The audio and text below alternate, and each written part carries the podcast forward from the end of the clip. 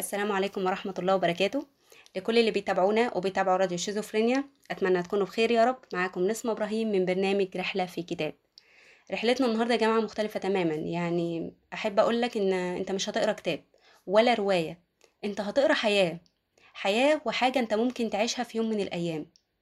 ويلا بينا نبدأ رحلتنا مع بعض. هاخدكم وهنطلع على مشرحة زينهم مع كتاب وللجثث رأي آخر للكاتب أو للدكتور محمد الشيخ. اولا دكتور محمد الشيخ طبيب شرعي والمتحدث الرسمي لمشرحة زينهم. بس في حاجة كده عايزة أوضحها يعني فاكرين كده يا جماعة لما كنا بنتفرج على التلفزيون أفلام كنا بنسمعها مثلا لو حد قتل حد مثلا فتلاقي روحه ترجع بعد وفاته وتنتقم تاني؟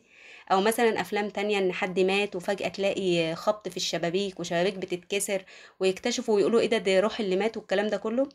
للأسف أنا كنت فاكرة إن كل ده حاجات عبيطة ومش حقيقية وكنت بترعب منها وخلاص وأنا صغيرة. بس بعد ما قرأت الكتاب ده سألت نفسي سؤال هي فعلا الجثث بتتكلم؟ هي بتنتقم فعلا وبتحس؟ هل يتحدث الموتى؟ يلا بينا بقى تعالوا هعرفكم الحقيقة اللي بجد. 24 حقيقة و24 حكاية داخل مشرحة زينهم على لسان دكتور محمد الشيخ. اتكلم عن حكاية كل واحد فيهم.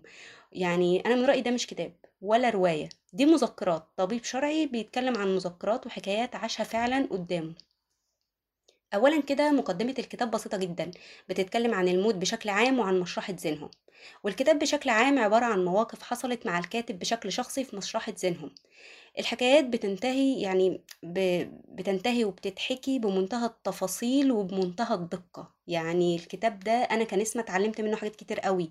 في حاجات أنا ما كنتش أعرفها خالص. زي مثلا إزاي تعرف اللي قدامك ده مات بقاله قد إيه مثلا؟ أسبوع تلات أيام عشر ساعات أربع ساعات. الدم مثلا لو بيتكون في مكان معين ده معناه إنه مات مشنوق مثلا. تفاصيل الكتاب كله عبارة عن مذكرات وحكايات الجثث والموتى بس ولكل جثة ليها حكاية وتفاصيل.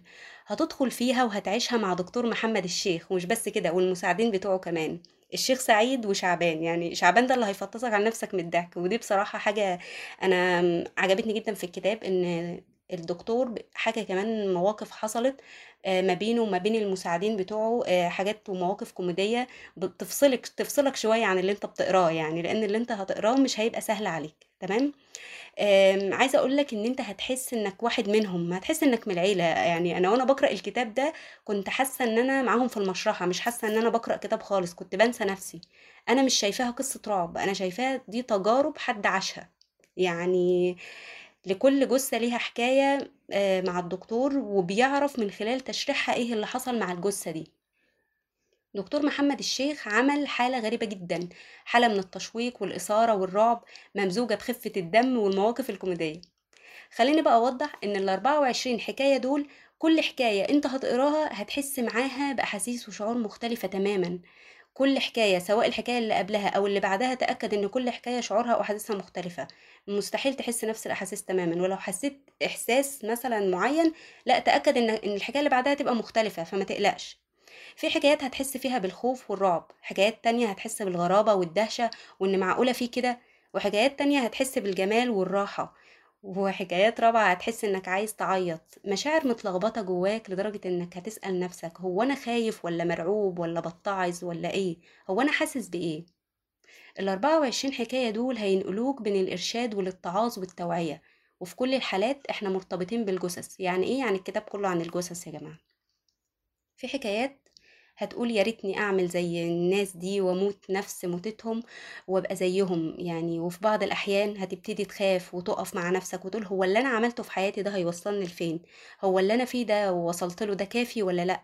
طيب أنا عملت فعلا لآخرتي ولا هرجع أقول يا ليتني قدمت لحياتي؟ وفي حكايات تانية الكاتب اتكلم فيها عن السحر والشعوذة والدجالين واتكلم في حاجة مهمة جدا وقال يعني أنا فعلا استغربتها بس فعلا بجد أنا اكتشفت إن هو معاه حق. لو شفت كلمة يعني أنت مش فاهمها أو مش عارف تقراها أو بلغة غريبة بلاش فضولك يخليك تقراها. وده هتفهمه لما تقرأ الكتاب لأن الكاتب اتأذى من كلمة شافها أو طلسم موجود على رقبة جثة كان كلها وشم. ده غير إنه وضح بشكل كبير نهاية الناس المشعوذين والدجالين دول. حرفيا نهايتهم أبشع مما تتخيل. نهاية الناس كمان مش نهاية الناس الدجالين بس لأ ده الناس اللي بتروح لهم. دول بقى ما شاء الله نهايتهم أبشع وأبشع يعني أنتوا لما تقروا الكتاب هتتخضوا. وضح بالتفاصيل كل حالة.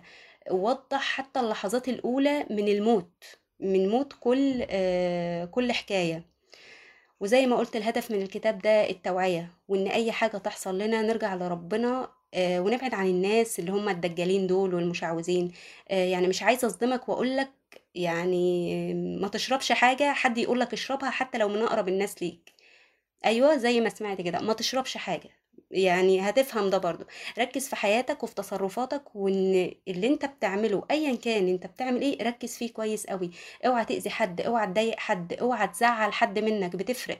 هتشوف بشاعة آه، حكاية من الحكايات دي لمجرد بس إن هي كانت بتبص بس لحد بيتأذي وما عملتش حاجة. كانت بتبص بس.